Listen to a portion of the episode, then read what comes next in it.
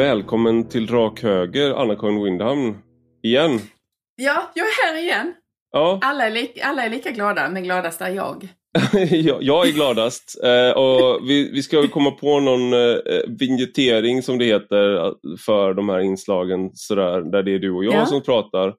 Eh, men det har vi inte gjort än. Eh, Nej. men vi kör på ändå. Det är så här fake it till you make it and then keep faking it. Eh, Ja. ja. och allt sånt Och, där. och är, ja, men är det någon som har ett väldigt bra namn eh, för att liksom rubricera de här samtalen så kommer det. Så kanske vi, det blir det vi nappar på.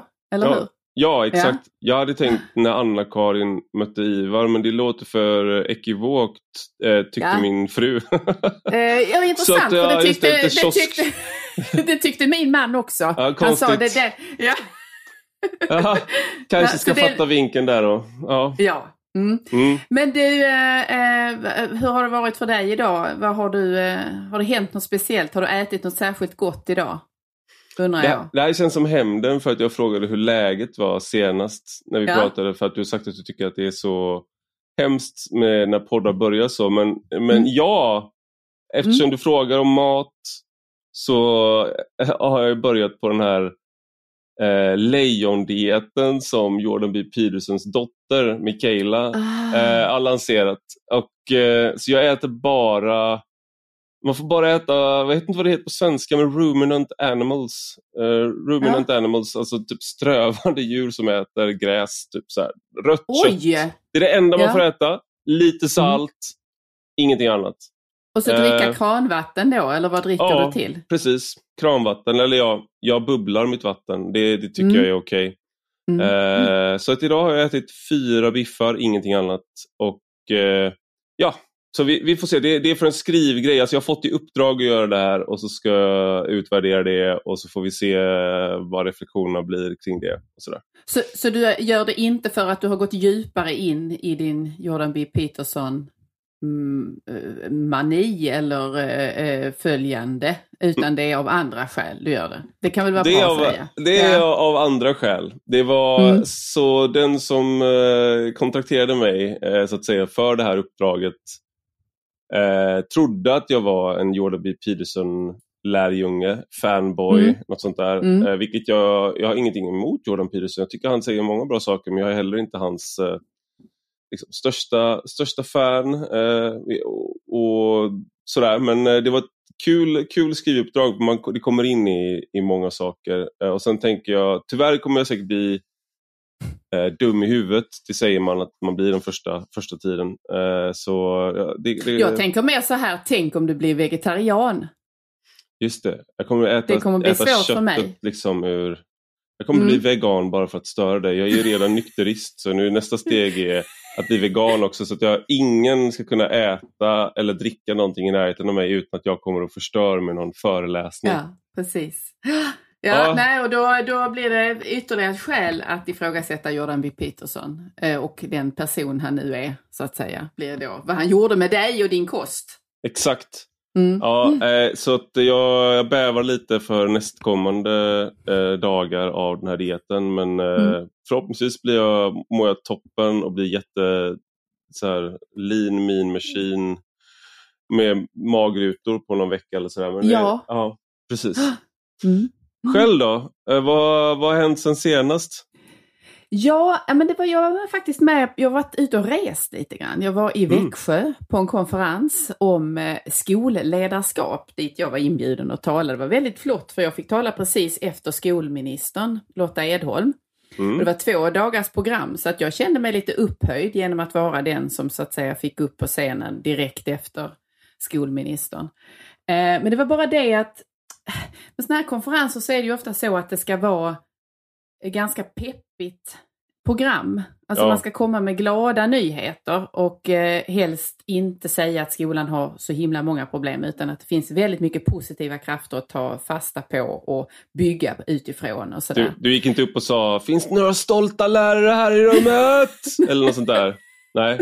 Nej, Nej. Eh, och det, alltså publiken var ju skolledare, det var huvudmän eh, från utbildningsförvaltningar och en hel del från lärarutbildningen i Växjö då.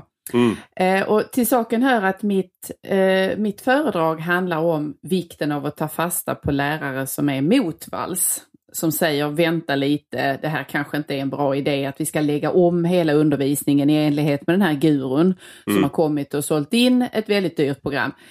De där lärarna är de som har gjort att svensk skola inte gått under.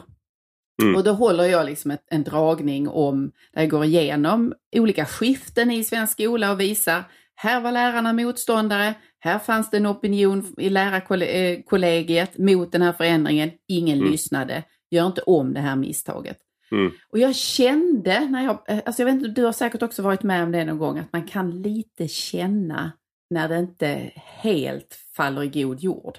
Jag, jag, jag var på Kulturhuset för ett litet tag sedan eh, och debatterade feminism och könsroller och sådär. Och då Mm. mot slu- jag kände den känslan, sen mot slutet så hade de sådana här frågor om man skulle hålla upp en, en grön skylt om man höll med och en röd skylt om man inte höll med. Mm. Och så ställde moderatorn då frågan, är, är du feminist? Och då var det jag den enda som, som höll upp den röda skylten. Alltså i ett helt rum, så det var liksom 200 pers, hela panelen, så jag var den enda som inte... Ja. Jag bara, ah, okej, ja men nu, nu har Ja. jag svaret här på varför det har känts så här. Det känns frostigt. Ja, det känns Ja, lite precis. fel. Ja, och sen till saken hör då att när vi skulle ha ett sånt här eftersnack eh, med vi som hade hållit de första passen på förmiddagen och ministern var med och då, då framkom det att i feeden där man hade fått ge, ställa frågor och ge respons under föredragningarna, då hade ganska många varit eh, upprörda över eh, vad jag sa och frågat då, är det här verkligen sant? Ska hon verkligen stå och påstå de här sakerna? Har hon fakta? Eh, upprörande att Wyndham kritiserar Skolverket och så vidare. Och det är ju så att det ibland det gör det ju ont eh, när kritiken drabbar en själv. Alltså Mm. när man får reda på just det där, man träffar en öm punkt och så.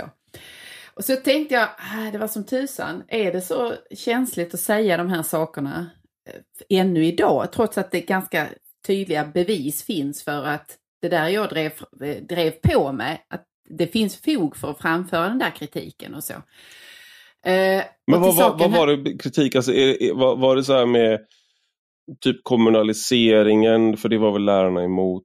Ja, Och vad, vad, vad Lär- var det för kritik? Vad, vad, vad var det som lärarna hade varit, så att säga, haft, varit rätt på men sen blivit överkörda? Eh, Många lärare var ju ganska kritiska också till den omläggning som det innebar att eh, helt enkelt eh, alltså, ta bort all makt ifrån läraren och säga att läraren inte ska vara den som leder undervisningen. Det var ganska Mm. många lärare som ifrågasatte det. Men då löste man det genom att säga att ni är bara bakåtsträvare, usch vad ni bara är nostalgiska och konservativa och gammeldags. Häng på det här framtidståget nu istället. Mm. Så att då, då slutar man ju vara kritisk för att det är helt enkelt jobbigt och fel att vara... Man vill, ingen vill vara eh, den personen utan man vill snarare vara framtiden än det förflutna. Ja. Men grejen är den att efteråt så kom det fram ganska många lärare eller personer som hade varit där då och så viskade de liksom till mig att de tyckte det kändes väldigt skönt att höra det här. Mm. Eh, och gav väldigt positiv respons. Något helt annat än det jag hade känt i rummet. Och flera stycken viskade så här. "Ja, Det du sa, det får man inte lov att säga. Men du har ju rätt. Särskilt inte här på lärarutbildningen får man säga det. Och det där åkte jag hem med ringandes i bakhuvudet att det, det är synnerligen dåligt betyg till lärarutbildningarna och då den i Växjö att det inte är högre i tak än så. Mm. Och eh, du vet på lunchen så var det någon som sa till mig så här, för jag råkade sätta mig vid det bordet där uppenbarligen inte mina fans var. Eh, och det var först helt tyst och så säger en så här, ja men tycker inte du också att det var fel när lärarna var auktoritära? Mm. Jo, sa jag. Det är klart att det var fel om de var auktoritära. Det var ju inte det jag talade om. Jag talade om att det var viktigt att läraren var en auktoritet. Mm. Och, och där någonstans så nailade ju hon den sammanblandning som har varit absolut destruktiv för svensk skola skulle jag säga. Man tror att någon som tar ledningen också är, en, är auktoritär. Mm. I hela sin person och människosyn. Men det där är ju, det där, det där är en sån där, um, man vill ha någon som är en, en auktoritet men de får inte ut, de får liksom inte utöva någon auktoritet så att det syns sådär för att då blir det auktoritärt och auktoritärt leder tankarna till alla liksom eh, övergrepp under första halvan av 1900-talet ungefär. Ja. Det är det här mm. hierarkiska samhället. Det är det där mm. samhället mm. där människor bara lyder order och där människor eh, liksom blir penalister och, mm. och, och liknande. Och mm. eh, ja, väldigt mycket av många av de här Reggio Emilia, Montessori, många av de här pedagogikerna som finns i skolan. Det här du, kan du bättre än jag men jag vet att vi kollar upp mycket av det här när våra, våra barn skulle börja, för, liksom, vi funderade på om de skulle börja förskola och sådär. Mm. Och då att de startade just som en reaktion på hur kan man undvika att fascisterna får makten igen. Ja, just det. Och så är det, liksom, det, det är väldigt mycket, om man, om man spår det tillbaka så handlar väldigt mycket om just de där sakerna. Ja. Den senaste veckans sån här skolsnackis har ju handlat om eh, har ju, skurit, har, har ju kommit rakt in i detta genom att handla om i vad mån en lärare får lov att visa ut en elev som stör undervisningen och om man får lov att med handen då lägga handen på elevens arm mm. och föra ut eleven. Det var en lärarvikarie här i Göteborg som gjorde det och han blev av med sitt lärarvikarieuppdrag mm. till följd av detta därför att han inte arbetade i enlighet med det man kallar lågaffektivt bemötande.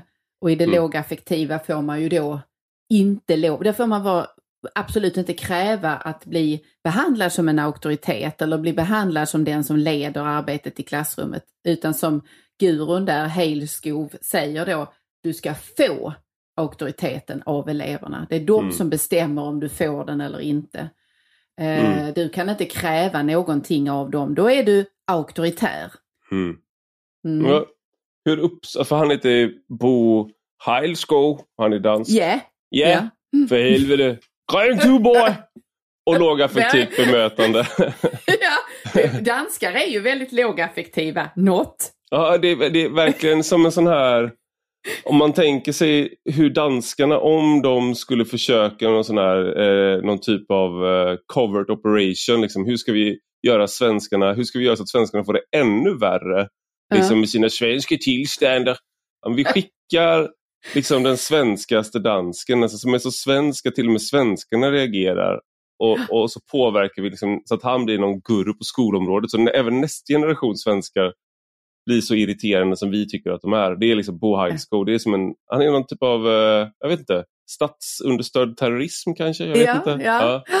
Ja. nej men han har verkligen saboterat mycket och eh, eh,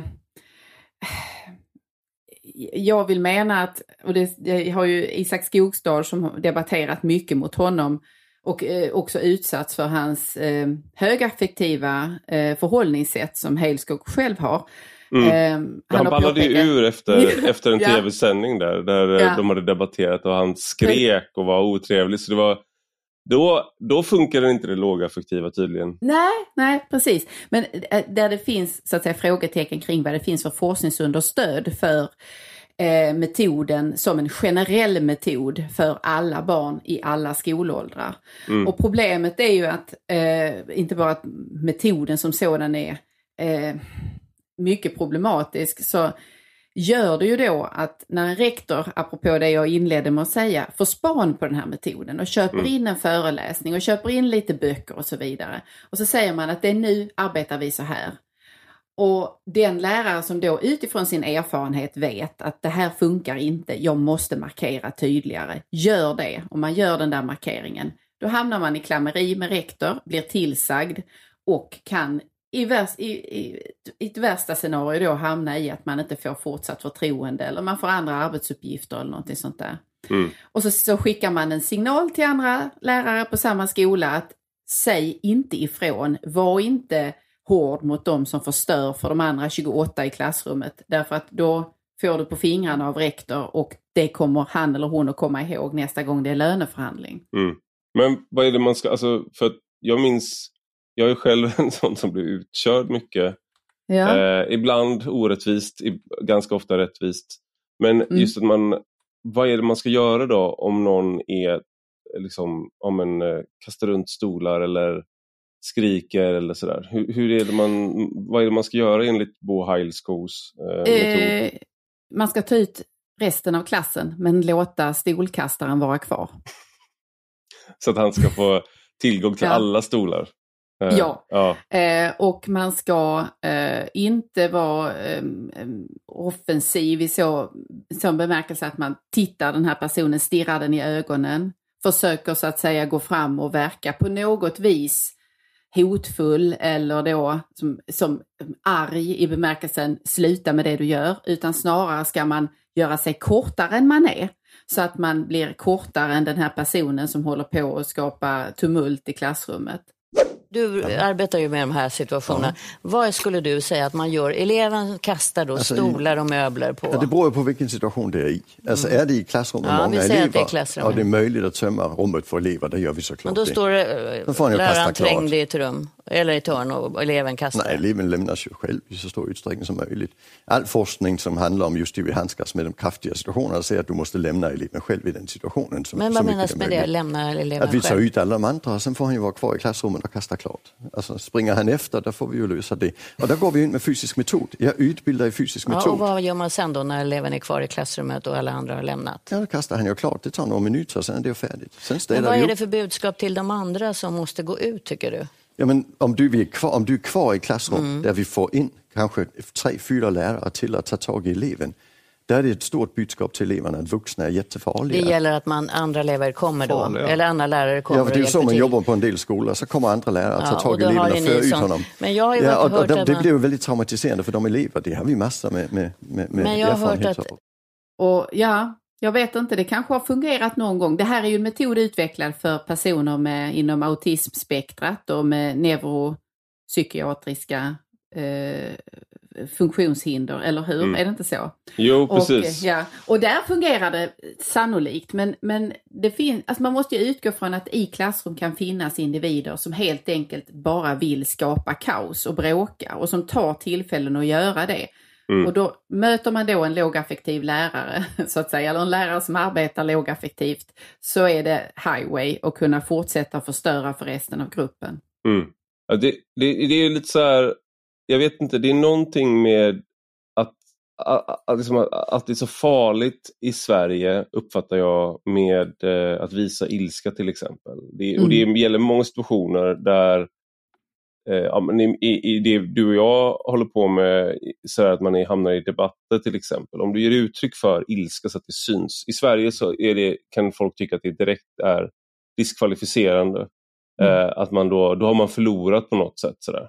Mm. Eh, och, och, det är någonting konstigt med de här situationerna att det skulle vara så hemskt att en lärare blir arg eller visar det eller stirrar någon i ögonen om någon är provokativ eller mm. gör någonting som äventyra säkerheten för andra elever. Mm. Det, det, är ju en, det är en liksom, jag, vet, jag förstår inte hur man kommer fram till att lösningen är att absolut inte gå in i någon slags kraftmätning, för det är en kraftmätning. Ja, precis. Och det, det är också så, det tror jag finns många eh, fritidsresurser eh, och lärare och stödresurser som har varit med om detta när två elever ryker ihop eller där någon elev utsätter en annan elev för trackningar och som leder till att till sist så utbryter liksom handgemäng då.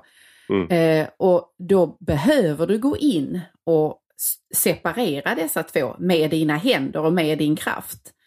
Men mm. det har funnits fall av där den lärare som har gjort det eller den eh, resursen som har gjort det då har fått på fingrarna bildligt för att man har gjort det handgripligen och istället liksom, det, det skulle varit lågaffektivt. Jo, men om det vore mitt barn som var den som blev utsatt här, så skulle jag ju verkligen vilja att någon vuxen gick in och stoppade det våldet så snabbt som möjligt. Mm. Även om det sved till för den andra ungen. Ja, det, det där är... Jag har väldigt svårt att se om de någonsin har varit i en sån situation själva då. För att när det väl har gått så långt så funkar inte det lågaffektiva skulle jag säga. Däremot så kan jag tänka att ibland så trappar, trappar man ju upp en situation såklart. Mm. Om man är väldigt högaffektiv alldeles för fort i massa olika, ja, så kolerisk, liksom att man är mm. alltid lite för arg. Mm. Sådär. Och det, det, kan ju göra att barn känner sig kränkta, man, andra blir arga för att de tycker att man missuppfattat. Så det finns ju liksom en, det är inte det att mot, om, om, om det ena, ena änden av extremen är liksom att eh, av spektrat det är liksom att vara lågaffektiv, då är det inte så här, man ska inte gå hela vägen åt andra hållet. Det är bra att vara kontrollerad men du måste ju kunna sätta ner foten och känna att du har liksom, rektor och lagen på din sida så att säga. Ja. Ja, precis. Och det har man ju numera. Man har stöd i skollagen att gå in och med fysiskt stoppa en ordningsstörning. Mm. Eh, eller en pågående kränkning då.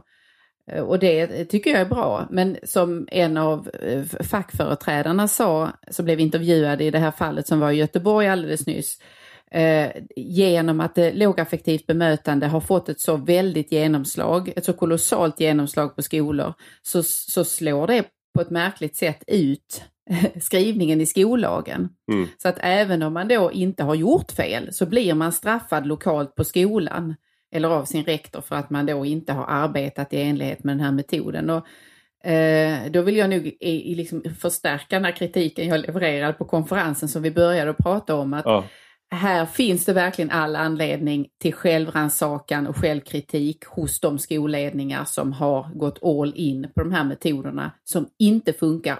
Det enda de gör, de gör är att underminera läraren. Mm eh, och läm lämna fri väg för, för busar helt enkelt. För det finns sådana. Eh, det vet alla som har gått i skolan. Ja, och en del av dem kan sen...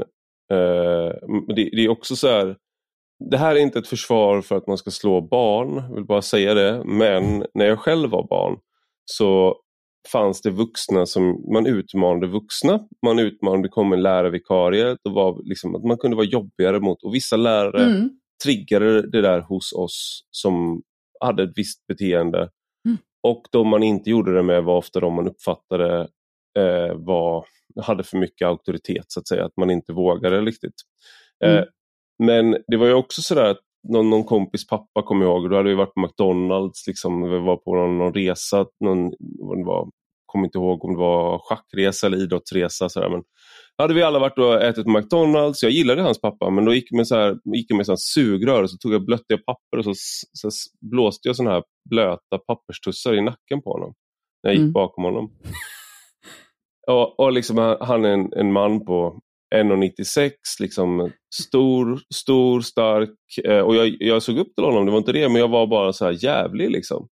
Ja. Och sa nu får du sluta. Liksom. Eh, och sen till slut så, så så vände han sig om och så tog han liksom tag i mitt bröst med sin hand som var lika stor som min bröstkorg. Typ, och så, så lyfte han upp mig och så dängde han ner mig i marken och så sa han, nu fattar du att det, liksom, det finns en gräns och du går över gränsen. Sådär. Mm. Mm. Eh, och Det skulle jag säga, då gick han ju, om han hade varit en lärare idag och jag hade varit en elev så hade han ju gjort sig skyldig till någonting. Ja. Men för mm. mig kan jag bara säga personligen, där och då, så respekterade jag ju honom mer Mm. Mm. Och det där har hänt, liksom, hände mig flera gånger eh, under uppväxten. Mm. Eh, och eh, jag undrar vad som händer med den typen, alltså jag var ju ändå inte en, liksom, någon värs, värsting eller liksom kriminell eller något sånt där, utan det Nej. var bara en ganska, ganska vanlig men lite mer utmanade liksom, och uh, käftade emot och höll på. Liksom. Mm. Uh, och sen, sen växer man upp och man växer bland annat upp genom sådana där händelser där någon ja, har, lä, man lär, jag lärde mig mycket på den händelsen mm. och flera andra liknande och det har ju gjort, påverkade ju vem jag blev sen. Mm. Så vad händer då om vuxen, alla vuxen, liksom, vuxna auktoriteter i ens omgivning är eh, liksom underfallande, kuvade eh, personer som, vad är det Bo Heilsko säger, att om någon står och muckar med en och ska slå en, då ska man inte svara upp utan man ska blåsa dem i ögat. Säger han. Bjuda på en hamburgare kan man också göra. Det var då han använde det där blåsa i ögat. Det var ju mm. apropå mm. någon eh, ganska handgripligt ingripande på en eh, unge i tunnelbanan var det väl som hade, gick besärk. Eh, var det inte så? Så var det ett, en intervju i Veckans brott, eh, diskussion mellan Leif GW och Bo Eh, och Bo fick frågan, men vad ska man göra då? Jo, man kan ju belåsa det våldsamma i ögat. Mm. Eh, och Leif GW som jag minns det satt och skrockade liksom som så. Han, är, han har tappat det! Mm. Jag hade tappat det. Nej men han... Eh, alltså det är ju också så, varför inte på Heilsko, varför inte polisen tillämpat mer av hans metoder? Då kanske vi hade fått slut Ja. på alla skjutningar och liksom sprängningar och sånt där.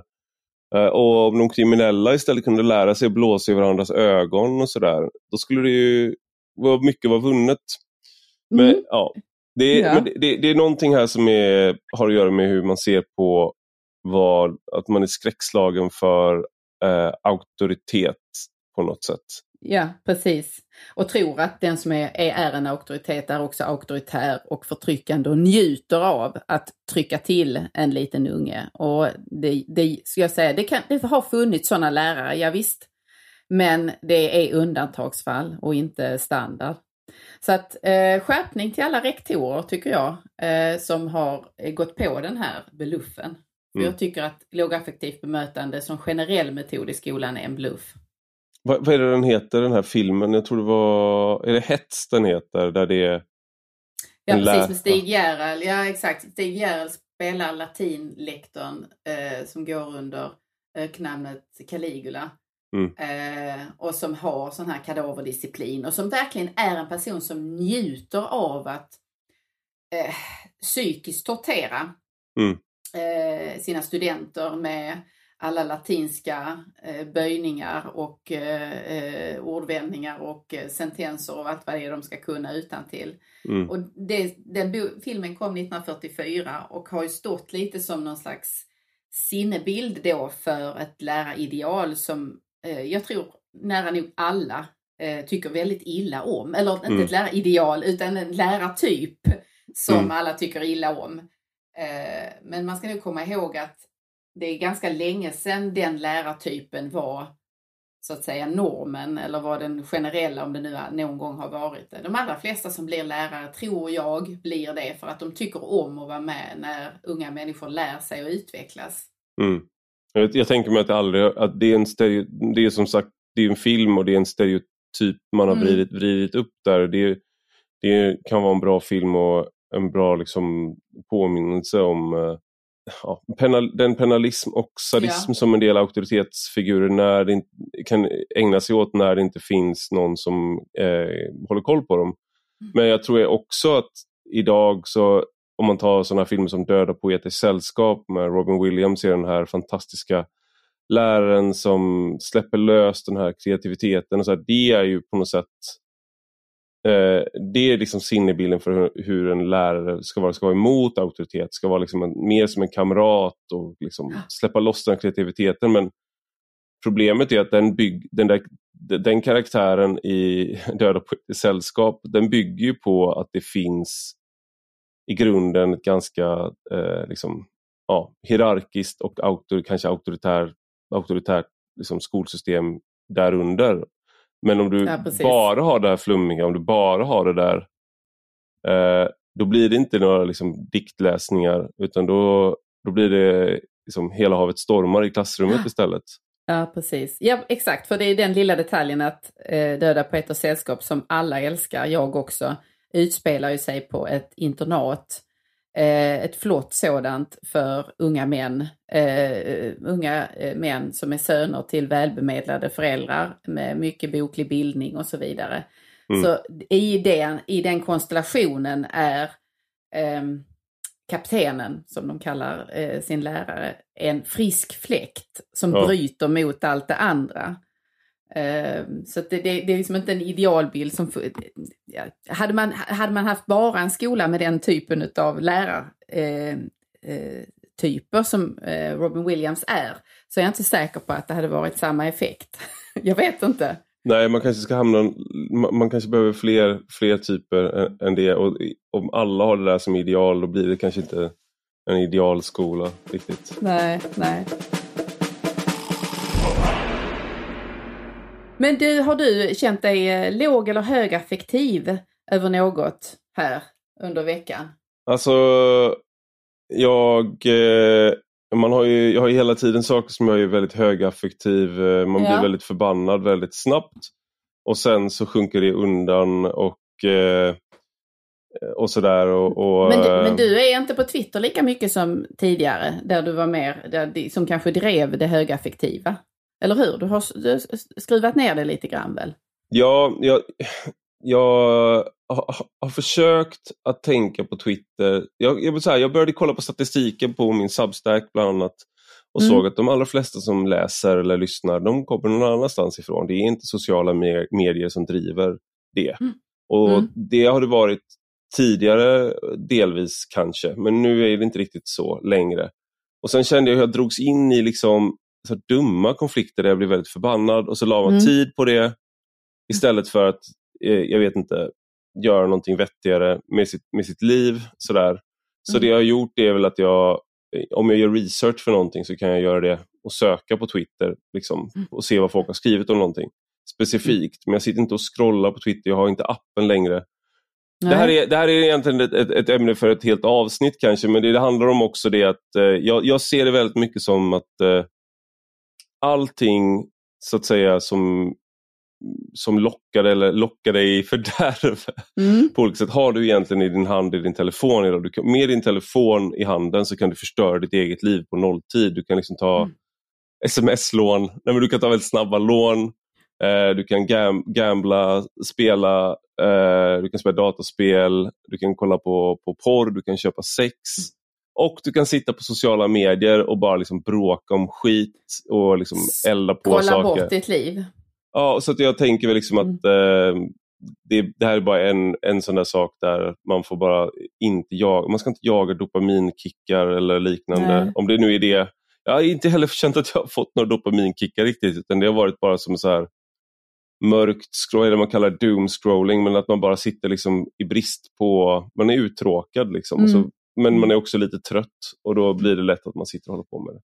Ja. Däremot så får, har ju andra Twitter fortfarande, så de skickar ju texter till mig eh, och, och tweets och sånt där. Och en av de texterna Mm. var, som jag fick skicka till mig var av eh, Vesna Prekopic eh, Yes.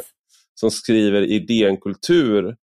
Och jag ska bara säga det att jag gillar Vesna. Eh, jag har träffat henne i verkligheten en gång, faktiskt efter den där debatten som jag berättade om när alla höll Ja. upp de skyltarna. Och vi gick och drack några öl ihop med ett par andra och sådär. Så att, eh, det, Hon har skrivit väldigt bra om skolan, tycker Ja. jag. Apropå det jag hade som eh, snackis här innan, att eh, där har hon varit en bra granskare, tycker jag.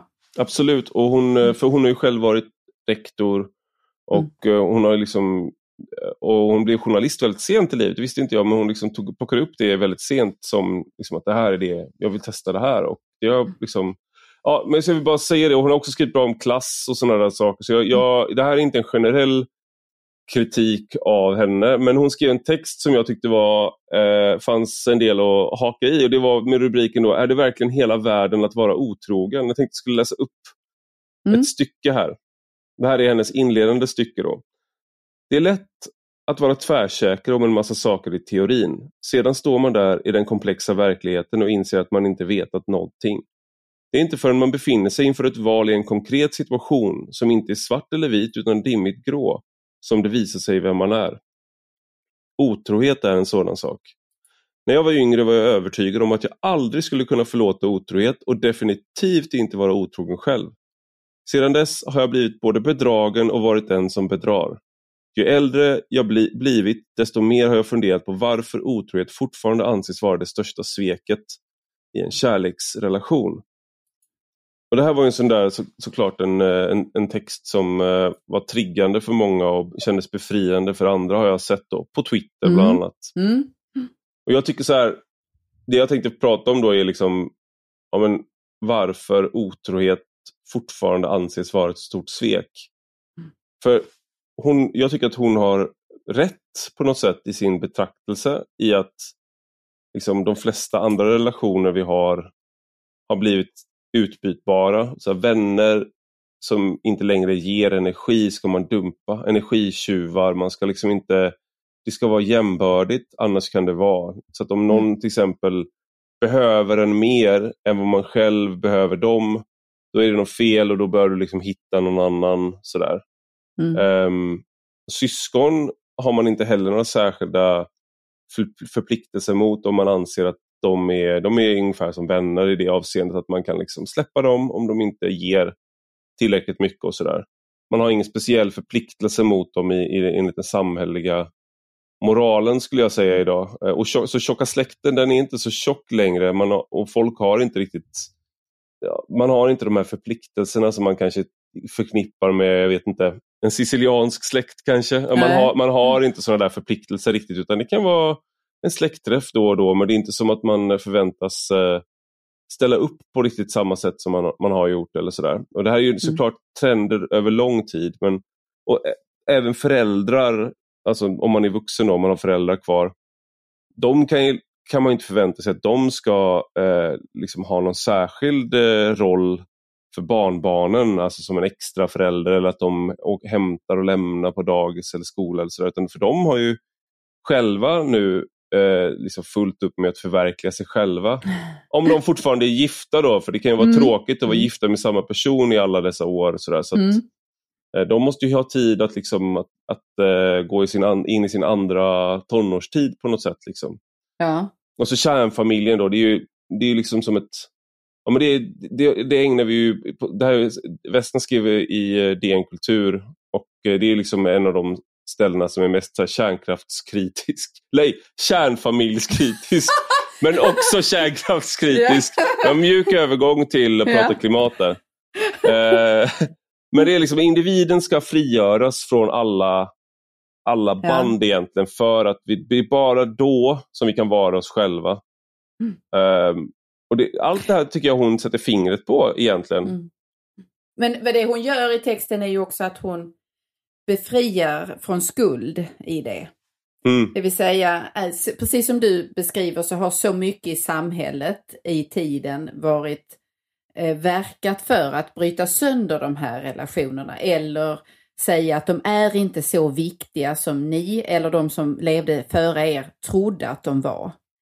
Mm. Löftet som är uttalat i en visst ögonblick eller i, i passionens hetta en gång i tiden betyder inget över tid utan det kan man förhandla om och så. Mm. Det, så och, men då har ju den, det som Vesna, eh, jag tycker hon far efter där är ju att det har funnits en skuld till detta och då försöker hon att befria från den skulden. Oh. Det är ingen skuld att att ge sig hän eh, och eh, vara i en relation men ändå eh också vara tillsammans med någon annan och kanske flera olika personer i olika perioder av livet och så vidare. Och sen kanske man mm. ändå har en förbindelse då i, eh, av annan karaktär kanske med den man lever med. För så tolkar jag hennes text, att det skulle också kunna vara så att man är kvar i den relationen som är ursprunget och så är man otrogen men så kommer man kanske tillbaka till den första.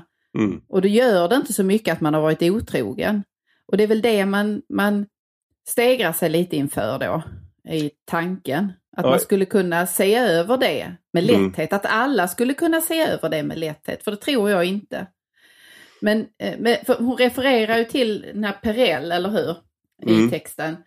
Och jag vill minnas att jag såg en intervju med henne i Skavlan när en av de här böckerna, hon har ju skrivit flera på temat, kom ut. Och mm. Hon sa då en sak som jag inte läser in i texten här, i Vesnas text, men som ändå fastnade i mitt minne. Och då, det var ungefär så här att en relation behöver inte gå i stöpet för att någon i den är otrogen.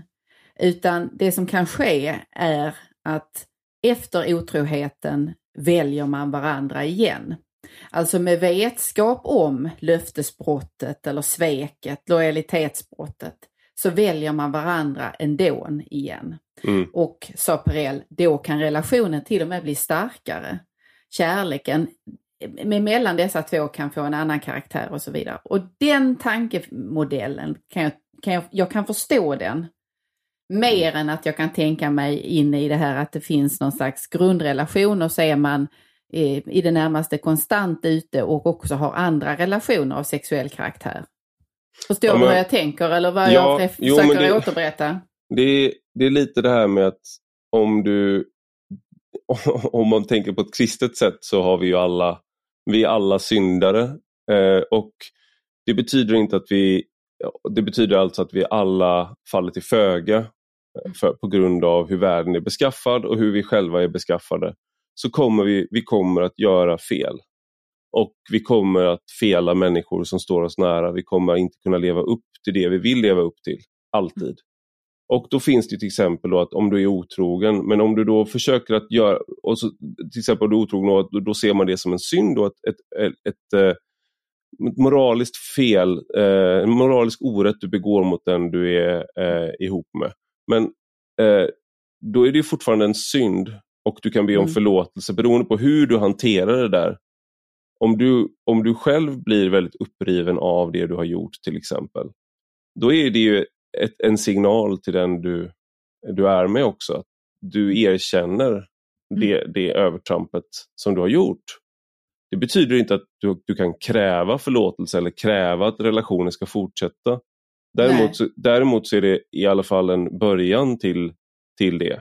Men mm. om du istället då gör dig av med den där synden eller skulden, eh, beroende på hur religiös man är, eh, då, då, finns det inget, då finns det ingen upprättelse att få, det finns ingen förlåtelse där att få. Och det är väl lite det som är när hon i slutet av texten så skriver hon då om det hade varit om det har varit möjligt för oss att spränga normerna för hur en familj är konstituerad borde det vara möjligt att slå hål på föreställningen att det inte går att äta kakan och ha den kvar.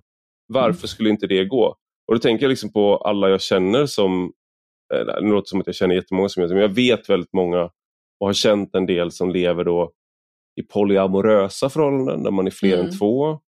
Eh, eller har öppna relationer Eh, och Det är ju liksom ett, det är ett sätt att hantera den här passionen som hon skriver om som kan drabba vem som helst, när som helst. Ja. Eh, och då att man eh, på något sätt säger att ja, men du, kan du kan äta den kakan och ha liksom, den långvariga relationskakan kvar. Eh, men i alla fall de flesta jag, så här, de jag känner till, så har det inte funkat med de här relationerna.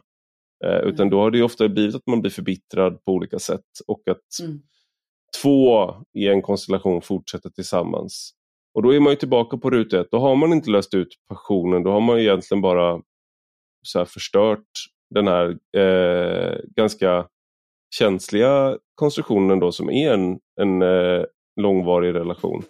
Mm, ja, precis. Men det, det, det, som ligger i det är ju också att, för att du var inne på religionen och, eller vad vad den har eventuellt haft för betydelse eller hur man kan tolka det då utifrån det. För att det, det som också ligger i, i texten, tycker jag, eller tolkar jag in, är ju att det finns en sak som är helig. Och det är sexualiteten och lusten. Det är mm. heligt. Mm. Och den får inte kuvas, den får inte undertryckas.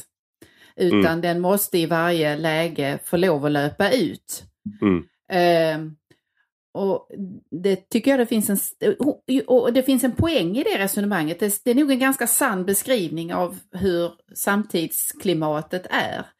Mm. Eh, för det speglar ju väldigt mycket annat som har varit i, i, i Du och jag diskuterar ju det här med dragqueens som läser sagor och så också. Där är, mm. finns ju också en sån aspekt i att man får inte lov att så att säga kuva det sexuella därför att det måste få fritt utlopp. Mm. Och jag tror nog också att det kan, jag tror att det kan finnas en poäng att lära sig också kontrollera det. Det betyder inte att man ska förneka sitt begär eller att eh, belägga sig själv med förbud för att man inte får lov att begära någon av samma kön eller ha någon annan preferens eller så vidare. Det är inte det det här handlar om utan det handlar om nog att eh, det handlar om att kunna eh, bemästra den också i läge. Mm. Det, det, kan finnas en vinst i att göra det menar jag. Ja, men jag tror du är helt alltså, det är nog så att vi har en, det sexuella och också den här fasen i livet som är när man är ja, men kanske runt 20 år, man är vacker, frisk och kringflaxande. Man har inte så många förpliktelser mm mot någon ny familj. och De man har är kanske snarare bakåt mot en, eh, sina föräldrar eller syskon eller sådär. Men man är liksom som en, så nära en individ man kan vara i den åldern. Det, det där är liksom idealet av och det heliga på något sätt. Den här förälskelseperioden när man förälskar sig. Den här himlastormande kärleken som, som, eh, som en del känner, känner den, den åldern framförallt kanske.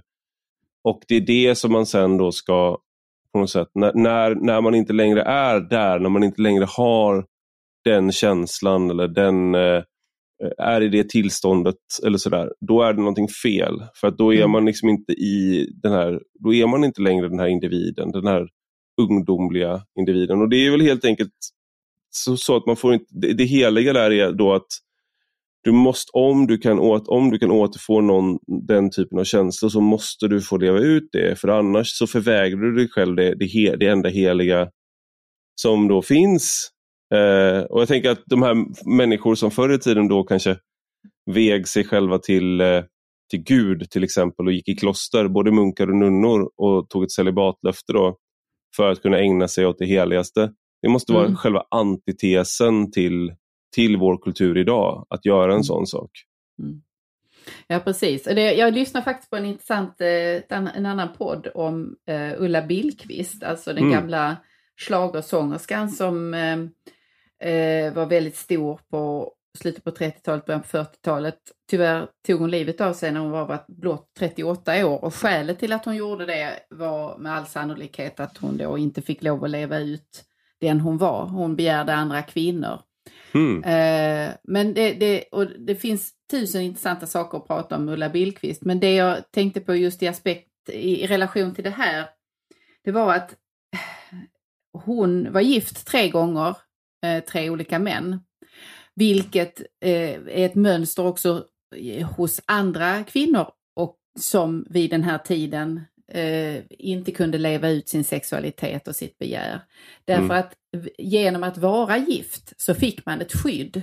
Alltså du hade de yttre eh, villkoren, de var uppfyllda för att du skulle vara en respektabel kvinna. Du hade mm. en man, du hade ett hem. Och sen vad du höll på med därutöver, mm. Vilka relationer du hade parallellt då. De fick pågå så länge den här partnern möjligen accepterade det eller så länge det sköttes snyggt. Men så fort ett äktenskap gick i stöpet för Ulla Billqvist så var hon skyddslös. Eh, mm. med sin, eh, sitt begär och sin, den hon var. Den, den, den, hon blev så att säga mycket lättare att komma åt och det var också det som blev hennes undergång.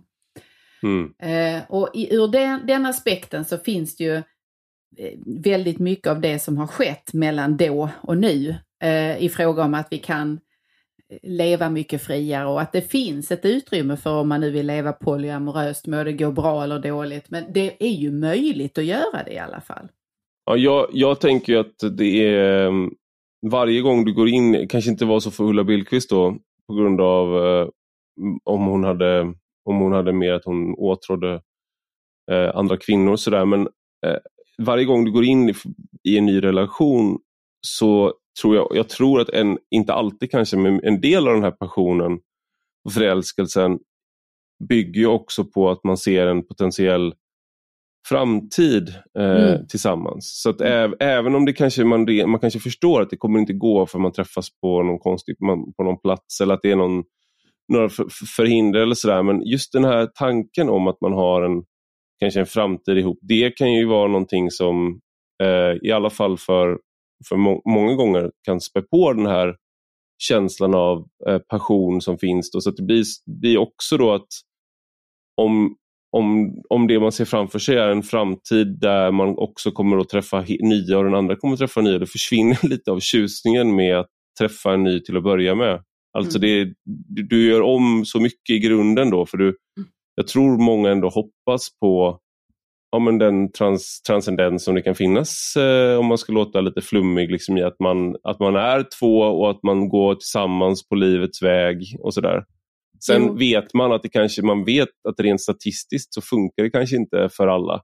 Men man hoppas att det kommer gå. Och eh, ja. om, om man slutar hoppas på det, om man slutar att tänka så, då kanske det inte heller den här då vet jag inte riktigt vad det är för, var, varför man ska kalla det för en relation heller. Vad är det Nej. då för relation man har egentligen? Liksom? Men, men det du är ute efter där, är väl, jag tolkar som att du talar lite om strävan, det är att man strävar, eh, även om det är motigt ibland och eh, eh, det inte är full passion alla dagar så att säga, så strävar man på för att man tänker att det kan finnas ett värde i att hålla ihop den här eh, flocken eller kretsen och det man har byggt ihop. Och Mm. att om man nu har barn tillsammans också är så att det finns en historia. Alltså du sa ju inledningsvis att eh, historien så har vi, inte, vi har nu inte samma kopplingar till syskon eller storfamiljer eller sådär därför att man kan koppla sig loss från det. Vi är Mm. inte beroende av varandra i någon slags generationsboende. Eh, och det är ju sant, men det som man ändå är beroende av är ju samma, alltså att känna att det finns en historia kopplad till en själv och att Mm. det också finns någon annan.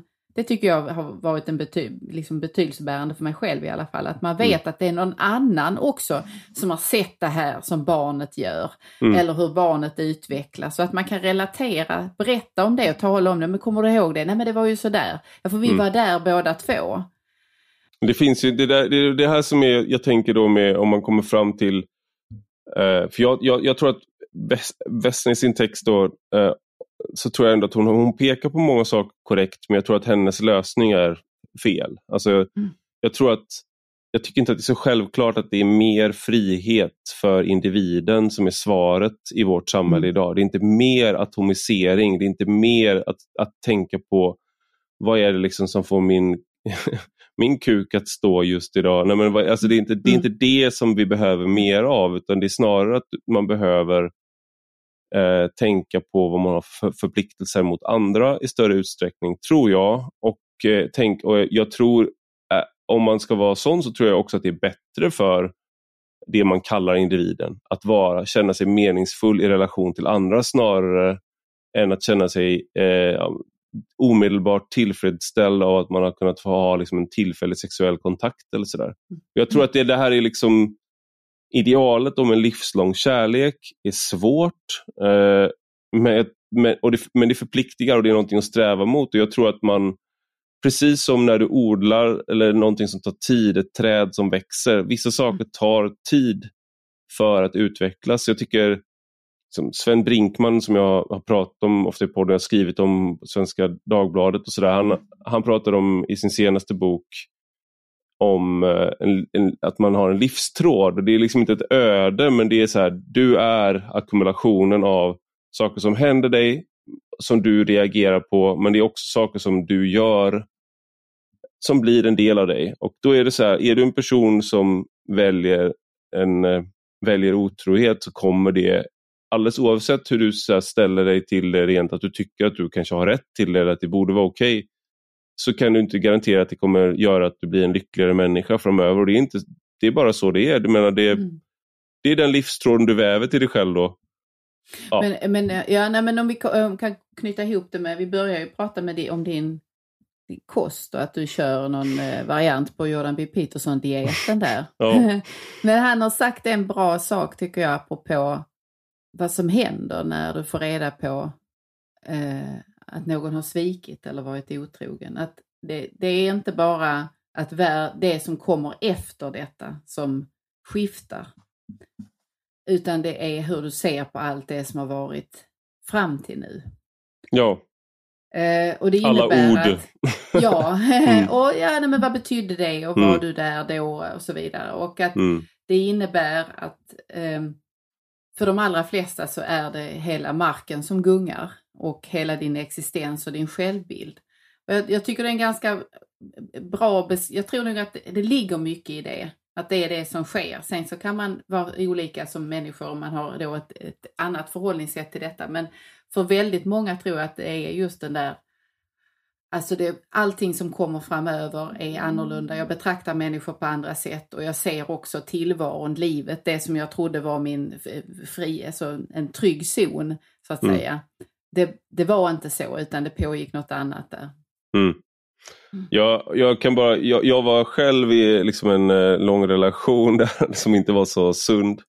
Eh, inte min nuvarande. Eh, och eh, då Min dåvarande flickvän då hade någon, eh, så här, hon pluggade till läkare så hon hade någon praktik på Grönland.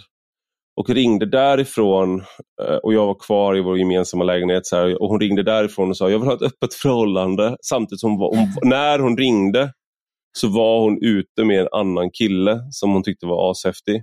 Mm. Och hon bara, men eh, jag vill ha ett öppet förhållande. Jag bara, ah, fast det känns inte helt hundra att du så här ringer så här. Jag bara, ah, men, eh, men då, då, kanske, då kanske lika bra att vi gör slut. Jag bara, okej, okay, men eh, fine, vi har ett öppet förhållande. Liksom. Och sen så var, Ah. men sen så hörde jag av mig direkt och sa, men då kan du göra slut istället. Men så var det liksom lite så otydligt, precis som i vänner. Så här, we, we were on a Ja. break, liksom sådär. eh, och eh, sen visade det sig ju då att hon hade liksom varit otroligt otrogen. Eh, med alla på Grönland kanske? Ja, med alla på Grönland. Så Ja. Hon har haft väldigt mycket. Liksom så här, och eh, Då kände jag ju bara lättnad. Mm. Och anledningen, så det är inte så här, anledningen var ju att jag kände bara yes, nu kan jag göra slut utan att jag är den onda. Eh, för att det Ja. hade jag liksom gått och planerat för jag hade en sån usel relation. Liksom. Så att eh, Ja. man kan reagera olika på... Och sen hette en av killarna som hon hade varit med, han hette Ernerak. så han- Hon bara, jag blev bedragen med någon en som näst, anorak? med, ja, jag blev bedragen med, av en anorak, eller med en anorak. Vilket bara gjorde det hela, även i stunden, mer löjligt. Jag var nära att börja fnissa liksom, när hon berättade. Liksom, hon var ju förstörd då, för hon trodde ju liksom så här, Men jag, jag, jag kände bara lättnad. Ja. Och så gjorde jag Nej, slut. Men, ja. men då var ni ganska unga kanske ändå. För jag tänker att den här liknelsen jag gjorde med Petersons beskrivning, det handlar ju om någon som är mitt i livet eller har haft en del av livet tillsammans med någon där man trodde att det fanns en, en, ett löfte om lojalitet och så. Mm. Att eh, eh, i, i ungdomen, alltså det kan ju vara superkännbart ändå, men det är precis som du beskriver, kanske kan man landa i bara yes istället. Ja. I'm, jag är Yes. ute. Ja, I'm out baby! ja, precis. Och med de orden så tackar vi Ja. för idag kanske. Då. Det gör vi. Ja. Nu går vi ut.